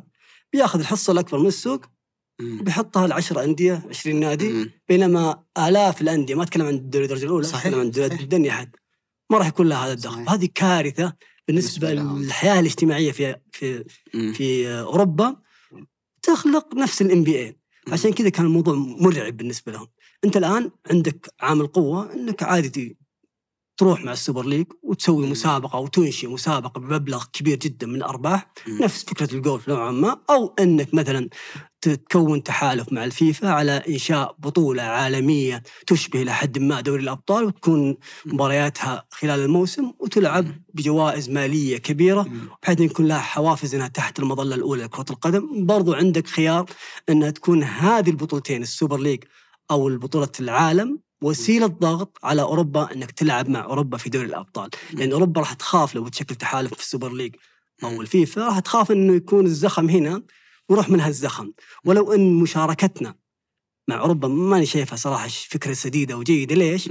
لأنك ما بتغير شيء. راح تكون القوة في أوروبا وأنت جاي تشارك معاهم مكامن القوة عندهم. صحيح إنك خلقت حافز في الدوري السعودي أو اللاعب إنه يجيك الدوري السعودي ولكن ما راح تقدر تسحب البساط من أوروبا. بينما لو شكلت بطولتك الخاصة مم. هذا هو التهديد الحقيقي إيه، لهم. لأنه طلع كلام الفترة الماضية إنه بنلعب في دوري أبطال أوروبا وطلع اللي هو رئيس الاتحاد الأوروبي وقال إنه دوري أبطال أوروبا ما يلعب فيه المشكلة ان في نادي من أوزبكستان مو أوزبكستان أتوقع آه، في آسيا يشارك معاهم برضو في أكثر من نادي مم. تركيا على سبيل المثال ما كانت ما في. الاتحاد الأوروبي صحيح لكن أعتقد زي ما قلت أبو علي إنه على الم- المدى البعيد أنا أعتقد إنه الدوري السعودي بيروح إلى إنه يكون جزء من حدث كبير جدا. أندية الدوري السعودي راح تكون آه، متواجدة فيه. إلين ذاك الوقت ترى ممكن يعني نبدأ بأشياء زي مشاركة النصر المميزة اللي كانت في الصيف هذا في تجمعات شارك معاه يعني آه، باريس سان جيرمان وإنتر ميلان في الجولة اللي كانت في اليابان. أتوقع أن الأندية السعودية خلال السنوات القادمة بتكون جزء مهم وأساسي من كأس الأبطال الودية اللي تلعب في أمريكا لأنه عندك نجوم مطلوبين والكل يبغى يشوفهم. من الممكن أنك أنت تنظم مسابقة من هالنوع في الصيف لو عندك منشآت يعني كويسة وتقدر انها تستوعب آه، مشاركة الانديه تلعب في الصيف في أبها في الطائف في أكثر من مكان. شفنا نجاح كأس الملك سلمان للأندية العربية اللي يقيم في في الصيف هذا في هال في هالمناطق. لكن الشيء الأكبر الهدف الأكبر اللي أنت تبغى تروح له بعد سنوات زي ما قلت تحتاج انك تكون جزء من شيء تنافسي على مستوى كبير جدا. في عام 25 راح يكون عندنا كأس العالم للأندية بنظامها الجديد 32 فريق. آلية المشاركة تعتمد على نجاحك في البطولة القارية وأعتقد لو وفقت الأندية السعودية في أنها تكسب البطولة خلال السنوات القادمة ترى ممكن نشوف أنه بقية المقاعد اللي بقيت من قارة آسيا تروح أيضا ل صحيح. أندية سعودية. ممكن بعد ذلك كأس العالم للأندية بدل ما يكون كل أربع سنوات ممكن يكون كل سنتين. نشوفها في السنوات الفردية اللي ما يلعب فيها كأس العالم أو لأنه حاليا صارت البطولات القارية تلعب كلها في سنة واحدة. يعني آسيا وأفريقيا بيلعبون في نفس الشهر وعندنا نهاية السنة بتلعب بطولة أمم أوروبا وكوبا أمريكا في نفس الوقت. فبتصير السنوات الفردية عندك متاحة أنه أنت تلعب في الصيف بطولات أندية على مستوى كبير جدا والعالم كله بيحب إنه يشوف مثلا فريق فيه رونالدو وساديو ماني وبروزوفيتش ضد فريق والله فيه مانشستر سيتي أو ريال مدريد أو بايرن ميونخ أو ايا كان. فأعتقد إنه ممكن في المستقبل تشوف شيء من هالقبيل وبيكون في عوائد كبيرة جدا بالنسبة لأنديتنا لما تكون جزء من بطولة متابعة ومنفق عليها مبالغ كبيرة جدا بيجيك عوائد دخل ممكن من بطولة تلعبها في شهر يفوق اللي أنت تحصل عليه خلال موسم كامل من بطولة الدوري. وهذا أبو علي يتماشى مع فكرة أنه اليوم أصلا صناعة الترفيه كلها تغير ما عادت محلية. يعني اليوم مثلا منصة زي نتفليكس في كل مكان في العالم مشاهدة مع أنها منصة أمريكية. طب ليش في فكرة سائدة أنه صناعة كرة القدم كترفيه أنها لازم تظل دائما مناطقية؟ يعني ليش ما أنا أصنع دوري في مكان ما بس تقدر تشوفه في كل مكان في العالم؟ ليش ما يكون هذا التنافس اللي دائما ظل محصور بالقارات إنه حقين أوروبا يلعبون الحال وحقين آسيا يلعبون الحال ما يكون شيء جلوبال عالمي الناس دول كلهم يلعبون مع بعض. بيصير فيها صعوبات من ناحية البعد الجغرافي من ناحية التنقلات لكن ترى الرياض تبعد عن معظم العواصم الأوروبية يمكن أبعد عاصمة أوروبية ترى تبعد عنها سبع ساعات بالطيارة. يعني إحنا ما نتكلم عن الصين وأمريكا اللي هم في فارق كبير جدا في التوقيت. وساعة بيولوجية تتلخبط وطيران 15 16 ساعة. لا فكرة حتى لو أنت بتلعب مع أوروبا ذهاب وإياب ويلعبون عندك وتلعب عندهم تراها قابلة يعني للتطبيق. فيها شوية صعوبات بس أنها قابلة للتطبيق. ما هي مستحيلة. زي لو كنت تفكر في الموضوع وأنت قاعد في أمريكا ولا قاعد في الصين. إجمالا أعتقد أنه بعد كم سنة الدوري السعودي هو بيحتاج من أجل زيادة العوائد والعالم بيجيك. لما أنت تكون عندك نقطة جذب خارج أوروبا في شركات ومستثمرين كثير جدا بيكون عندهم رغبة إنهم يصنعون معاك بطولة كرة قدم تنافسية. اليوم شفنا كأس العالم للأندية على طول أمريكا هي اللي خذتها صحيح. من ناحية الاستضافة لأنه هم بالنسبة لهم وجود أقوى الأندية على مستوى العالم عندهم ويتنافسون بدل ما كنا نشوفهم بس يلعبون في أوروبا مطمع كبير جدا آه، لهم. فإن شاء الله المستقبل يكون فيه آه، أشياء من هالنوع. بس أنا أبو علي ودي نقطة اليوم قاعد يتكلم عنها الإعلام الغربي بشكل كبير جدا إنه حنا أوكي سوينا هزة في السوق سوينا هزة في السوق يطلع كلام يقول لك يا أخي إنه حنا خربنا الكورة إنه أنت يعني اليوم أضريت بأندية. وكما لو إنه سبحان الله الموضوع هذا ما هو قاعد يصير في أوروبا. يعني اللي بيشوف كذا سجل الفائزين بدوري أبطال أوروبا بيشوف في الخمسينات الستينات السبعينات أندية اليوم ما عادت تتنافس. النجم الأحمر. بنفيكا كم عنده Champions League اليوم ما عاد ينافس. تتكلم عن اياكس اليوم ما عاد ينافس. تتكلم عن هامبورغ فاز فيها. سلتك اليوم الانديه الاسكتلنديه بائسة ومسكينة ما تقدر تسوي أي شيء في دوري أبطال أوروبا. فعليا أنت تراك جيت في فترات وسويت نفس الشيء اللي قاعد تشتكي منه. يعني اياكس فككوه حرفيا. في التسعينات لما جاء قانون بوسمان وسمح بعدد اللعيبة مفتوح فككوا ذاك الفريق ما بقوا منه ولا لاعب. مميز. قبل موسمين قبل أكثر من موسم 18 19 لما وصل اياكس مع تنهاج إلى نصف نهائي دوري أبطال أوروبا. تخيل أن الفريق هذاك اللي كان ناجح ومحط أنظار والناس توقعت بما أن أعمارهم صغيرة بيكملون عدة سنوات وش صار في اياكس؟ تفكر. شلحوهم حرفيا. زياش مزراوي دي ليخت دي يونغ كله ما بقوا أي واحد أي واحد مميز ما بقوه مين اللي خذوه؟ أندية ال Premier League والدوري الإيطالي وأسبانيا الأندية اللي معاها فلوس. طيب ليش ما حد قاعد آه، يبكي على أطلال الأياكس ولا بنفيكا ولا بورتو ولا غير من الأندية؟ أعتقد إنه عرفت اللي صنع حالة مثالية وإنه لعبة كرة القدم كذا لا تخربونها وخلوها على جوهرها وما أدري إيش. طيب أنت لو تعود بال- بالزمن ترى أنت في ال- السبعينات والثمانينات أندية أمريكا الجنوبية كانت أيام كان كأس ال Inter ال Intercontinental اللي يلعب ما بين بطل أمريكا الجنوبية وبطل أوروبا. أندية أمريكا الجنوبية ترى كانت تجرم في أندية أوروبا يعني يعني يعني ما قدروا ياخذون بيليه حتى من. سانتوس تخيل. يعني ذي- ذيك الفترة في فرق أيقونية في أوروبا يعني زي مثلا بارسا كرويف زي ميلان مع ساكي. كان لما يروح يفوز بدوري أبطال أوروبا ويلعب مع بطل أمريكا الجنوبية كان ما. في الغالب ترى ما كان يفوز. صح. فأنت جيت وقضيت على كرة القدم حرفيا على مستوى الأندية.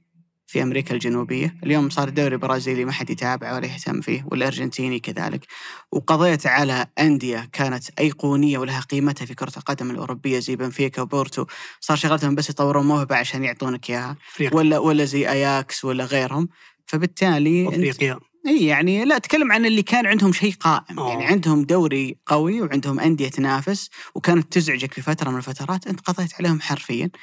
بالمقابل صعدت أندية عندك ما كان لها اسم ولا كان لها تاريخ زي يعني أندية عديدة موجودة في الدوري الإنجليزي بعضها حتى ممكن في الاستثمارات اللي صارت في بعض الأندية الإيطالية. فما أعتقد بصراحة أنه هم، المثالية ذي وعرفت الحالة الملائكية وكرة القدم للبسطاء اللي كل ما صارت أزمة ولا صار شيء ما يعجبهم قالوا أوه كرة القدم للبسطاء حاول يحاولون مم. شوف هم دائما عندهم حب في التاريخ والإرث بينما الفكرة اللي جوهرها مبني على شيء خاطئ. نفس ما قلت الآن هم اوريدي دمروا كرة القدم ال- في أمريكا الجنوبية دمروا أندية نموذجية ضخمة وكبيرة في في أوروبا. ولكن خليني أقول لك يا أبو علي الآن هذا ال- الميركاتو الكبير ووجود اللعيبة الأجانب. وبعد أول مباراة مع المدرب روبرتو مانشيني المدرب الإيطالي اللي غادر أو ترك آه، يعني قرار مفاجئ للكل ترك تدريب المنتخب الإيطالي بعد ما كان أو بعد ما قضى خمس سنوات مم. أعتقد انه في خلالها حقق 37 انتصار متتالي عنده مم. هذا الرقم عنده برضو رقم مشاركة أو إنه استدعى 57 لاعب في المنتخب الإيطالي وهذا بين- يعطيك يعني فكرة عن جوهر مم. فكرة هذا المدرب بعد خمس سنوات حقق فيها اليورو صحيح طلع من تصفيات كأس العالم بفشل ذريع ولكن كان في إيمان إنه مدرب. قادر إنه ياخذ المنتخب لكأس العالم التالية. وبدال ما تكون الإقالة بعد الخروج؟ لا والله. استثمروا أكثر وأعطوه خلينا نقول آه، أريحية وحتى أعطوه قرارات داخل الأندية أو داخل الفئات السنية للمنتخب الوطني 20 سنة و19 سنة. غيروا استراتيجية وهيكلة الفئات السنية. أعتقد رئيس الاتحاد الإيطالي جرافينا إذا ما خانتني الذاكرة وخلينا نقول أعطاه شيء كبير جدا خلال الفترة الماضية. وكانت الفكرة وال- والجوهر العام إنك بتكمل معانا. إلى كأس العالم فجأة بقرار غريب ومفاجئ يستقيل. فاكس. وياتي للمنتخب السعودي أو الاتحاد الجديد مع المنتخب السعودي وطبعا معروف أو القريب من المشهد في كرة القدم الإيطالية يدري إن مانشيني كان متضايق كثير من التدخلات اللي كانت تجيه. من الداخل. الآن يلعب أول مباراة ودية. جرب فيها أسماء عديدة وقيمه المباراة في ملعب نيوكاسل. ضد كوستاريكا ممكن ما كانت مباراة مثالية لمنتخبنا على مستوى النتيجة حتى على مستوى الأداء. آه بالأربعة ثلاثة ثلاثة تقريبا إلى الدقيقة 70 75 ما غير ولا تغيير. بعدها بدأ يدخل اللاعبين اللي شاركوا أو لعبوا في كأس العالم الماضية. حب يشوف حب يتعرف.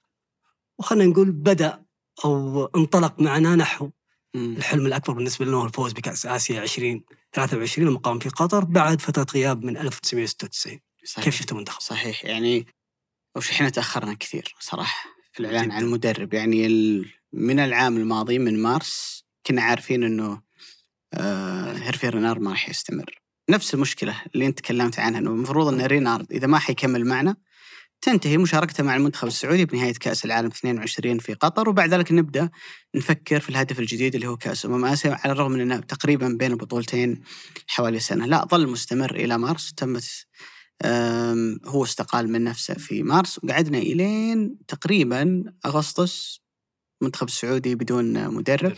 حتى لما شاركنا في أسبوع الفيفا اللي كان في يونيو شارك المنتخب الأولمبي مع الكابتن آه، سعد الشهري.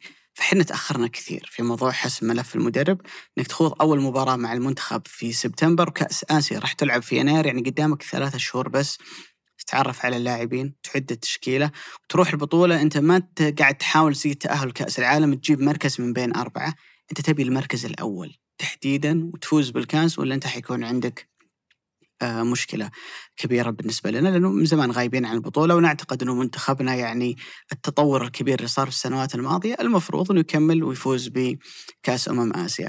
اللي لاحظته في مانشيني أنه ما حاول يغير أشياء كثيرة صراحة في, في المنتخب ظل على نفس العناصر اللي كانت موجودة سابقا وممكن أقدر أربط لك ذلك لما أخذ فهد المولد. فهد المولد راجع بعد إيقاف لعب دقائق بسيطة جدا مع نادي الشباب لقى نفسه في المنتخب مرة ثانية. فواضح أنه يبغى يتعرف على نفس المجموعة وما يسوي تغييرات كبيرة من اللي كان يسويها آه، رينارد. اللي شاف الوثائقي اللي أعتقد أنه عمل عن منتخب إيطاليا بعد فوزهم كأس أمم أوروبا بيلاحظ أنه مانشيني هو مدرب يرتكز بشكل كبير جدا على العوامل النفسية. يعني بتلقاه حتى في المحاضرات اللي كانت تتصور مع اللاعبين ما يغرق كثيرا في التفاصيل التكتيكية إنه وقف هنا okay بيسوي شغلة كمدرب بس إنه يعطي أهمية أكبر ممكن للجانب النفسي والمعنوي بالنسبة للاعبين وبقية الشغل يسويه الطاقم المساعد اللي اللي موجود معاه. هو مدرب بأمانة يعني كانت عنده تجربة ثرية جدا درب في الدوري الإيطالي وبعدين خاض تجربة مهمة جدا مع مانشستر سيتي. هو أول مدرب قدر أن يوصلهم الفوز بال Premier League وبعد ذلك تجربته مع بعد سنوات. اي مع المنتخب الإيطالي. فأعتقد إنه خبير عنده عدة تجارب. أم، أنا ما بقول لك إنه خيار مثالي لكن قياسا بضيق الوقت. وبالخيارات الثانية اللي متاحة قدامك ما, ما كان عندك صراحة خيارات كثير. بيفيدنا جدا إنه المنتخب هذا تقريبا قاعد يلعب مع بعض من فترة طويلة جدا. ما أنت في مرحلة إحلال أو تجديد تقريبا؟ العناصر هي نفسها اللي كانت شغالة مع رينارد. من أيام التصفيات مرورا بكأس العالم ال- اللاعب السعودي على الجانب البدني تطور كثيرا في السنوات الماضية مع تطور وزيادة حدة الدوري فعنده عدة عوامل للنجاح لكن آه، المنافسة صعبة جدا. يعني شفنا اليابان إيش سوت قدام ألمانيا. منتخب كوريا منتخب قوي جدا. إيران عندهم عدد كبير من اللاعبين اللي موجودين آه، برا. فبالتالي المنافسة راح تكون آه، صعبة جدا. لكن بما إن أبو علي فتحنا سيرة ال- المنتخب في تخوف كبير جدا إن التطوير اللي قاعد يصير للدوري وهذا الكم من اللاعبين الأجانب الموجودين فيه اللي بيدفع فاتورته هو المنتخب.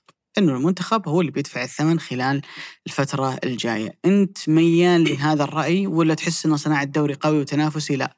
تعطيني لاعب محلي أفضل فبالتالي بيكون عندي منتخب أفضل خلينا نرجع لتصريح مانشيني قبل تقريبا سنة كان. يتكلم إنه اللاعب الإيطالي مو جالس ياخذ دقائق كبيرة في الدوري الإيطالي مم. يعني هو عنده مشكلة من هذه الناحية تجي عندي أنا لا أنا أشوف إن التجربة اللي إحنا مرينا فيها ما أقدر أقيس إلا على التجربة اللي إحنا مرينا فيها، التجربة اللي إحنا مرينا فيها على مستوى السبع لاعبين الأجانب خلال السنوات الماضية لا والله انعكست على قوة اللاعب السعودي. أعطته خلينا نقول حافز إنه يكون تدريباته مع أكله، النظام الغذائي، رغبته في اللعب عالي جدا بحكم إنك صعب إنك تلعب مع لا مع سبع لعيبه اجانب تكون أساسي عليهم. زائد إنك برضو لو ما كنت تلعب مع نادي كبير مو شرط إنك تلعب مع نادي قوي وكبير مثل الهلال النصر الاتحاد الأهلي لا. أنت عادي تلعب في نادي أقل فتح الحزم ايا يكن وتكون لاعب مهم وجوهري في المنتخب الوطني يعني شفنا في راس البركان في كأس العالم الماضية من نادي الفتح حسان تنبكتي ما كان أحد نجوم البطولة برضو من نادي مع, مع نادي الشباب. يعني ما كان التركيز على اللاعب ال- اللي يلعب في دو مع نادي قوي لا أنت عندك فرصة أكبر لما تكون في نادي أقل وفرصة ودقائق اللاعب عندك تكون أكبر من إنك تلعب مع نادي كبير. على العموم أنا شايف وصول أو أو التغيير الكبير من ناحية قدوم اللعيبة الأجانب بينعكس على مو بس على على اللاعب الموجود الآن لا راح ينعكس على مستقبل كرة القدم عندنا. ليش؟ لانك اول شيء راح تخلق حالة تدريب وحالة انضباط جديدة عند اللاعبين. تغذية جديدة عند اللاعبين. آه، نس- نسبة خلينا نقول أو صعوبة منافسة هذول اللاعبين عالية جدا، فأنت ما تبغى تكون الحلقة الأضعف بحكم إنك لاعب محترف، لا أنت تبغى تكون لاعب أساسي، تبغى تنافس هذول اللاعبين، أنت بدل ما تروح تحترف برا وتتعلم هذه الأشياء من صحيح. احترافك برا أنا جبت لك احتراف. يا سلام أنا جبت لك احتراف. فأعتقد ما راح هنا ما راح يكون سلبي قد ما راح يكون إيجابي خلال الفترة الجاية وراح يكون إيجابي أكثر مع السنوات الجاية، لازم يكون في اهتمام في البنيه التحتية، في الأكاديميات، في التطوير، في الاكتشاف، مم. بكل مناطق المملكة. وهذا الحراك الرياضي الكبير جالسين نشوفه المفروض إنه ينعكس في كل مناطق المملكة، يعني الجنوب من البلدان أو من المناطق اللي فيها مواهب كثيرة وبغزارة ولكن اكتشاف فيها شوي متدني. كم عدد الأندية هناك أبو علي؟ عاد عندي مو يعني مو- قياسا مناطق ثانية. عدد الأندية قليل جدا ترى.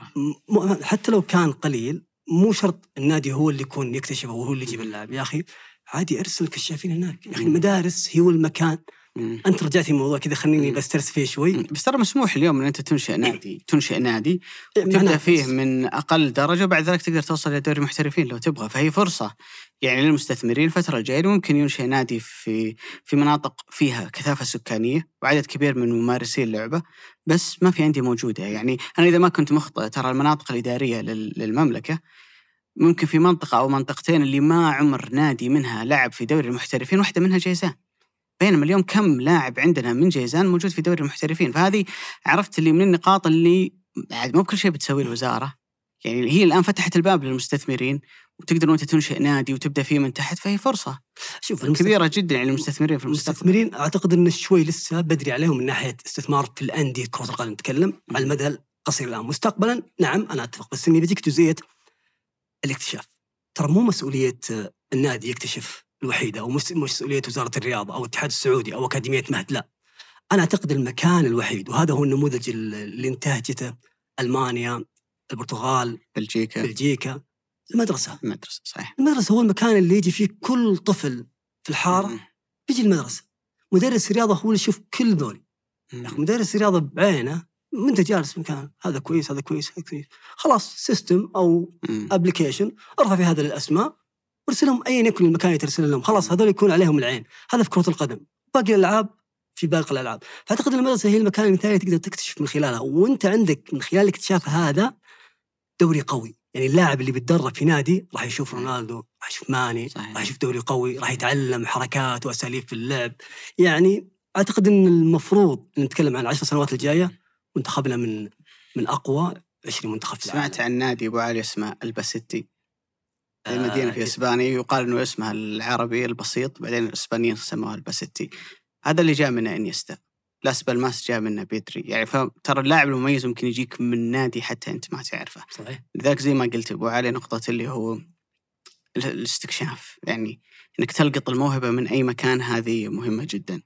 أه، على نقطة هل بيضر المنتخب ولا لا؟ أعتقد إنه إحنا مرة نبالغ في التركيز على الكم، إنه أنا عندي ثمانية لعيبة جانب معناته بقى عندي ثلاث خانات للاعبين سعوديين فبالتالي أضرب ثلاثة في 18 فبيكون عندي عدد قليل من اللاعبين اللي يلعبون بشكل أساسي، بس هنا أنت قاعد تركز على العدد. أنا في ظني إنه التركيز على الجودة أهم. يعني أنا لما يكون عندي بدل ما يكون عندي خلينا نقول 100 لاعب يلعبون بشكل أساسي بس جودتهم أقل؟ لا عطني 50 بس جودتهم أعلى. أنا ما يفرق معي العدد بشكل كبير جدا أنا يفرق يفرق معي الجودة في في نهاية ال- الأمر. وبعدين ترى مو بلاعب شرط كل لاعب يلعب في المنتخب يكون أساسي في نادي. يعني لسنوات إسكو كان يلعب في منتخب إسبانيا.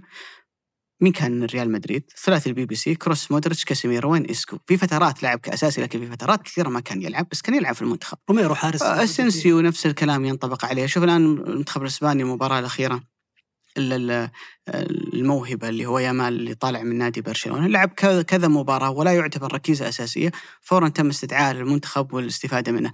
مو بشرط يكون لاعب أساسي باستمرار.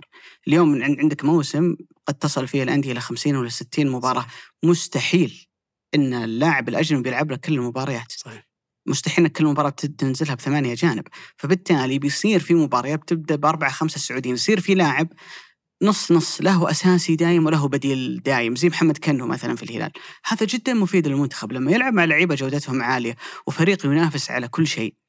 دوري دوري أبطال آسيا هذا أكثر فائدة لي من لاعب يلعب أساسي مع نوعية لاعبين أجانب أقل مستوى، العبرة ما هي بدقائق اللعب وبس هي عامل مهم.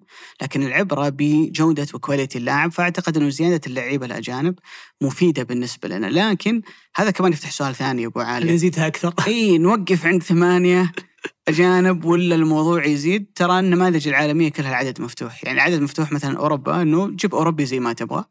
بس اللي من خارج الاتحاد الأوروبي مسموح لك ثلاثة. وزي ما قلنا يدخلون في موضوع التجنيس هذا يطلع له جد إيطالي هذا أمه. آه، ما أدري وش الجنسية اللي عندي يعني سهلين مرة في, فلان إي سهلين مرة في موضوع الجنسيات. ومع ذلك تلقى عندهم منتخبات وطنية جيدة. أنت تشوف إنه ثمانية كويس ولا لا أنا ممكن أنا نزيد؟ أنا لازم يزيد. مو مو لازم مو مو ممكن لازم نزيد. ها. لأنه في مشكلة كبيرة جدا الحين جالسين نعاني منها. الآن اتحاد مثلا كم عنده لاعب أجنبي مسجل؟ الآن مم. 10 لاعب اجانب. مسجلين لما يجي تاخذ اتحاد كحالة تاخذ الهلال كحالة برضو بداية بداية الميركاتو. الهلال كان عنده بيريرا؟ كل وكلاء اللاعبين دارين الهلال ما يبغى بيريرا. ودارين متورط فيه. ودارين راتبه عالي. وعارفين إنه لازم يتخلص منه. عشان هو محشور على ثمان لاعبين. فهو عشان يجيب لاعب بداله لازم يتخلص منه. مم. فأنا هنا كوكيل أعمال إيه، هد, كنادي. هد الوضع. إيه أضغط عليك. خلي. أخليك تعاني. يعني حرفيا. أخليك تعاني وخليك تبيع بأقل سعر. أو إنك تتكفل 50% من راتبه.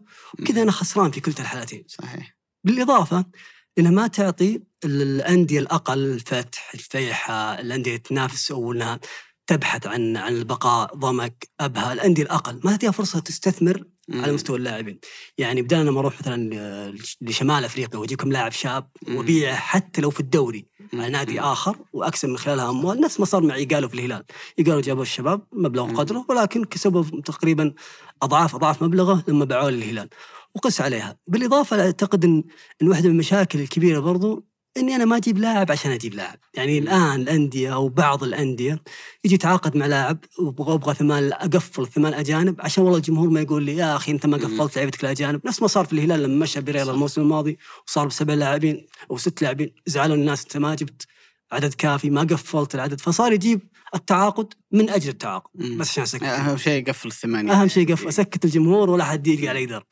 الثلاثة الثلاث عناصر هذه أعتقد إنها مم. مهم جدا ينظر فيها. شوف ممكن ياخذ لك من جانب ثاني يقول لك والله أنا مالي شغل في إنك آه، سيء التدبير. يعني أنت جمعت عندك عشرة لعيبة جانب وأنت ما راح تسجل إلا ثمانية هذا خطأ منك يعني إنك أنت ما عرفت تدير الموضوع. لكن أنا أتفق تماما في نقطة إنه كجانب استثماري تبغى تخلق بيئة استثمارية لابد إنه العدد يكون آه، مفتوح. من التعاقدات الكبيرة اللي صارت عندنا في الدوري كم تتوقع أبو عالية؟ أنديتنا تعاقدت مع لاعب عمره أقل من 23 سنة. فيجا بس. فيجا فقط. كل اللاعبين هم فوق عمر 23 وغالبيتهم ممكن يعني يعتبرون خلينا نقول في السنوات الأخيرة من مسيرتهم الرياضية. فبالتالي أنا لما أجيب لاعب أنا مضطر أني أجيب لاعب يلعب أساسي ويصنع لي فارق يخلق لي تأثير. ما عندي رفاهية أني أجيب لاعب وأصبر عليه أنه يتطور عشان بعد كم سنة أنا ممكن أني أني أبيعه. تخيل لو العدد مثلا عندك مفتوح تقدر تجيب لاعب عمره 18 سنة. لأنه نظام الفيفا ما تقدر تجيب أقل من عمر 18 فتجيب زي ما قلت من شمال أفريقيا. تجيب المواهب المميزة من أمريكا الجنوبية وهم رخيصين للغاية صحيح. ترى ما طور بنفيكا وخلاه يبيع هو أندية البرتغال بأسعار عالية إلا إن اللاعب عمره 18 يجيهم يتطور كم سنة وبعد كذا زي داروين نونيز وبعد. كذا إي نونيز معنا قبل كان في الدوري. الأسباني إي فتجيبه هو في عمر صغير وتطوره في دوري قوي وما أعتقد صراحة إن الدوري البرتغالي حاليا أقوى من دورينا وترجع بعد ذلك تبيعه بمبالغ عالية جدا. لو أنا عندي هذا الخيار أعتقد إنه أندية خاصة اللي ما تنافس اللي ممكن يقول لك أنا بجيب 12 لاعب ثمانية أساسيين تسعة أساسيين واثنين ثلاثة منهم ذولا خلهم على جنب ذولا حقين استثمار. بطورهم وبوقع معاهم عقود طويلة المدى وبعد ذلك أقدر أني أبيعهم وأكسب فيهم أعتقد أنه بيكون مفيد جدا بالنسبة للأندية بيضر اللاعب المحلي بلا شك بيقلل من فرص مشاركته بلا شك لكن تشعر كمان لو أنه مصير أنت بتلاقي نفسك ذات يوم مجبر أنه أنت تأخذه. طيب هل بتلزم الانديه يا أبو علي إنهم في الملعب بعدد معين؟ يعني ولا يخلون مفتوح في الملعب؟ لا شوف أعتقد أنه جربنا الموسم الماضي أنه كان لك ثمانية سبعة. وسبعة يلعبون. في أندية كثيرة كانت يعني جدا تبلش في موضوع الأجنبي ال- الثامن إنه صعب لاعب عندك مميز وكويس تقول له والله أنت ما تقدر تلعب لأنه مو مسموح لي. يمكن كان أبرز مثال بوبنزا الموسم الماضي مع الشباب. كان لاعب مميز بس في كثير من الأحيان يتم اعتباره الأجنبي الثامن وما يلعب. هيلدر كوستا مع الاتحاد كان كثير أحيان يتم اعتباره الأجنبي الثامن وما يلعب. طب أنا دفعت فيك مبلغ وأنت قيمة بالنسبة لي ولاعب مميز بس النظام يمنعني من من إني أشركك. ممكن عرفت اللي تحاول قدر المستطاع إنك تجد نموذج يحقق لك الهدفين إنه اللاعب السعودي ما يتضرر بس أعتقد إنه بيضرك استثماريا إذا ما فتحت العدد. لأنك بالوضعية الحالية أنت حتى لو قلنا إنه أنت نادي ما تنافس بس من أجل أن تبقى لازم الثمانية كلهم يكونون جاهزين. صحيح. فبالتالي تروح الأندية باتجاه انها تتعاقد مع لاعبين في مرحلة نضج كروي يقدر يعطيهم أداء وتأثير ويقول لك الاستثمار آه، خله بعدين. وين المستقبل طيب علي؟ أين مستقبلنا؟ وين شايفنا إن شاء الله بعد بعد؟ خلينا نقول 20 30 يعني نتكلم في تقرير.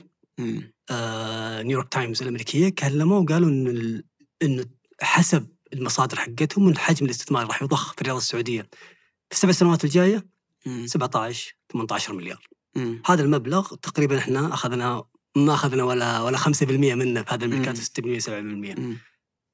السنوات الجاية وين راح نشوف انفسنا؟ شوف أنا أعتقد إنه المشروع وجد ليبقى ما أعتقد إنه مشروع سنة ولا سنتين ولا أعتقد إنه مشروع الهدف منه لأنه البعض قال لك إنه حتى ممكن يكون إنه الهدف صناعة دوري قوي ونجوم عالميين عشان السعودية تروج بعد ذلك ملف استضافتها لكأس العالم أنت ممكن توصل إنك تستضيف كأس العالم بدون ما تصرف كل هالمبالغ. فأنا أعتقد إنه الاستثمار في الدوري من أجل الدوري نفسه. آه، بامانه الأسماء اللي تم التعاقد معها كثير منهم قادر إنها تعطي لعدة سنوات. آه، ولين نهاية السوق تحس إن بداية السوق كان عندنا تصور زي ما كان أغلب الناس يعني يظن إنه دوري تقاعدي بيجي يلعب فيه اللعيبه الكبار في السن نجم نجمين في كل نادي تكلم بنهايه السوق إنه لا الدوري اليوم لو تسوي صفحة تصميم كذا النجوم الموجودين في الدوري السعودي يمكن ما يكفيهم تصميم واحد يعني. فما أعتقد صراحة إنه مشروع سنة ولا سنتين. الجاي أتوقع إنه لازم لازم يصير في اهتمام بالملاعب بأمانة. صحيح. تشعر إنه دوري فاخر بس المنشآت ما هي بقاعدة تساعده. تصريح هندرسون في الاتلتيك المرة الأخيرة كان يتكلم إن الدوري قوي في نجوم في لعيبة في مواهب ولكن شوي البنى التحتية ضعيفة شوي وأنا مم. أرى وكلامه إنه هذا الشيء جالس يتطور. فأعتقد إنه رايحين إحنا إن شاء الله إيه في في أشياء في حلول يعني عرفت اللي عاجلة. زي التطوير اللي صار ملعب الشباب الاتفاق الفتح. هذه ممكن يعني تساعدك وقتيا لكن تحتاج كمان إنك تشتغل على أشياء أبعد. أعتقد ان ملف استضافه كأس العالم 27 بيساعدنا بشكل كبير صحيح. جدا. آه، ممكن بعد ذلك بعد ما تستكمل هذا المشروع تبدأ تفكر في إنك كمان توجد ملاعب في مناطق ثانية للمنتخب يلعب فيها. استضافة أحداث أعتقد إنه الجنوب يحتاج آه، بشكل كبير إلى ملعب ممتاز وبجوده عالية في أبها منطقة في توجه كبير جدا. المرحلة القادمة تكون نقطة جذب سياحي وهي بالأساس نقطة جذب سياحي لكن يعني توصل إلى مراحل أبعد من ذلك. زي ما قلت لك ممكن تستضيف فيها أحداث عالمية في فتره الصيف. فأعتقد إنه يعني أقل شيء أقل شيء خلينا نحط نقطة زمنية إلى 2030 أنا ما أتوقع صراحة إنه بيكون في تراجع بالعكس بيصير في نمو وفي شيء مهم جدا أبو عالية إنه أنت مع التجربة تتعلم. صحيح. يعني أنت في عندك نقاط أو مشاكل أنت تتوقعها بمرور الوقت تخلق لك مشاكل جديدة. كيف تتعامل معها؟ أنت تتعلم وتتطور وتصبح أكثر خبرة في التعامل مع المرحلة الجاية. لكن اجمالا أعتقد إنه كلنا مبسوطين. آه، عندنا دوري نفاخر فيه. نحب إن العالم كله يشوفه وأعتقد إنه كلنا ترى جزء من المشهد يعني كلنا تحديدا حتى موضوع الإعلام موضوع ال- الحضور الجماهيري الصورة اللي أنت بتعكسها عن البلد اليوم ممكن ما في مشروع عندك يراه العالم. رأي العين ويختبره كل أسبوع ويركز بشكل كبير جدا على إيجابياته وبعدسة كبيرة جدا. على سلبياته زي الدوري السعودي فأعتقد أنه هذا مشروعنا كلنا ما ودي والله أقول كلام كما لو أنه مثالي ولا تنظيري لكن أتمنى أن الجميع يتعامل مع الصورة الأكبر اللي هو الدوري أنه مشروعنا. داخله في ناديك اللي أنت تحبه وينافس وتبي يفوز بكل البطولات على العين والرأس. بس لا ينسيك الصورة الكبيرة أنه هذا واجهتنا اليوم أمام العالم فأتمنى إن شاء الله أنه يكون على قدر التطلعات. قهوتي خلصت يا أبو علي. نشف ريقك ها؟ إلى الشيخ طريقي آه أنا شايف إنه هذا المشروع هو امتداد. لمشاريع ضخمة وكبيرة في البلد، يعني إحنا ما نتكلم فقط عن كرة القدم، نتكلم عن كرة القدم جزء من أعمال كبيرة جالسين نشوفها. في بلدنا خلال السنوات القادمة، السياحة، الاقتصاد، المجتمع حيوي،. أمور كثيرة إن شاء الله نحققها. ونصل لها ونشوفها رؤية العين السنوات الجايه. إحنا ما إحنا بدخلاء يا أبو علي. إحنا أهل كورة من يومنا. صحيح. إن من من ولدنا وحنا أهل كورة. إحنا لا إحنا بأمريكان ولا إحنا بصينيين. ولا قاعدين نحاول ان نجبر الناس على اللعبة ولا نخليها. إحنا أهل كورة من زمان. فأعتقد إنه لما يكون عندك دوري قوي وتنافسي زي هذا المواطن السعودي الشاب السعودي هو أكثر واحد مستفيد. صحيح. ثقافتنا ترى يعني. أنا شفت مقطع فيديو لاستقبال المنتخب السعودي الفائز بكاس العالم كأس آسيا 4 كأس العالم. كمية البشر اللي في الشوارع بالعقار والشماغ يبين لك قديش ان حالة كرة القدم فعلا حالة اجتماعية من لحظة من سنوات سنوات طويلة من لحظة هذه البلد. أتوقع هنا وصلنا ختام الحلقة يعطيك العافية باري. الله يعافيك أبو علي استمتعت كثيرا في هالحلقة. أنا أسعد. أحس إني الحلقة دي جيت في ملعبك تحديدا. إي أنا ما شوفني أخذت حتة كأني الرجل المنظر. الله يحييك أبو علي. شكرا لكم شكرا لفريق مرتدة. عمل على هذه الحلقة محمد الفوزان في الإنتاج عبد الرحمن عبود في التصوير يوسف إبراهيم في التسجيل والهندسة الصوتية وفي التحرير مرام الضبيبان وفي التلوين عبد المجيد العطاس وفي الإنتاج التنفيذي رزان دهيثم وفي إدارة محتوى التواصل الاجتماعي أحمد غالب. هذا بودكاست مرتدة أحد منتجات شركة ثمانية للنشر والتوزيع. إلى أن نلقاكم في الحلقة القادمة في أمان الله.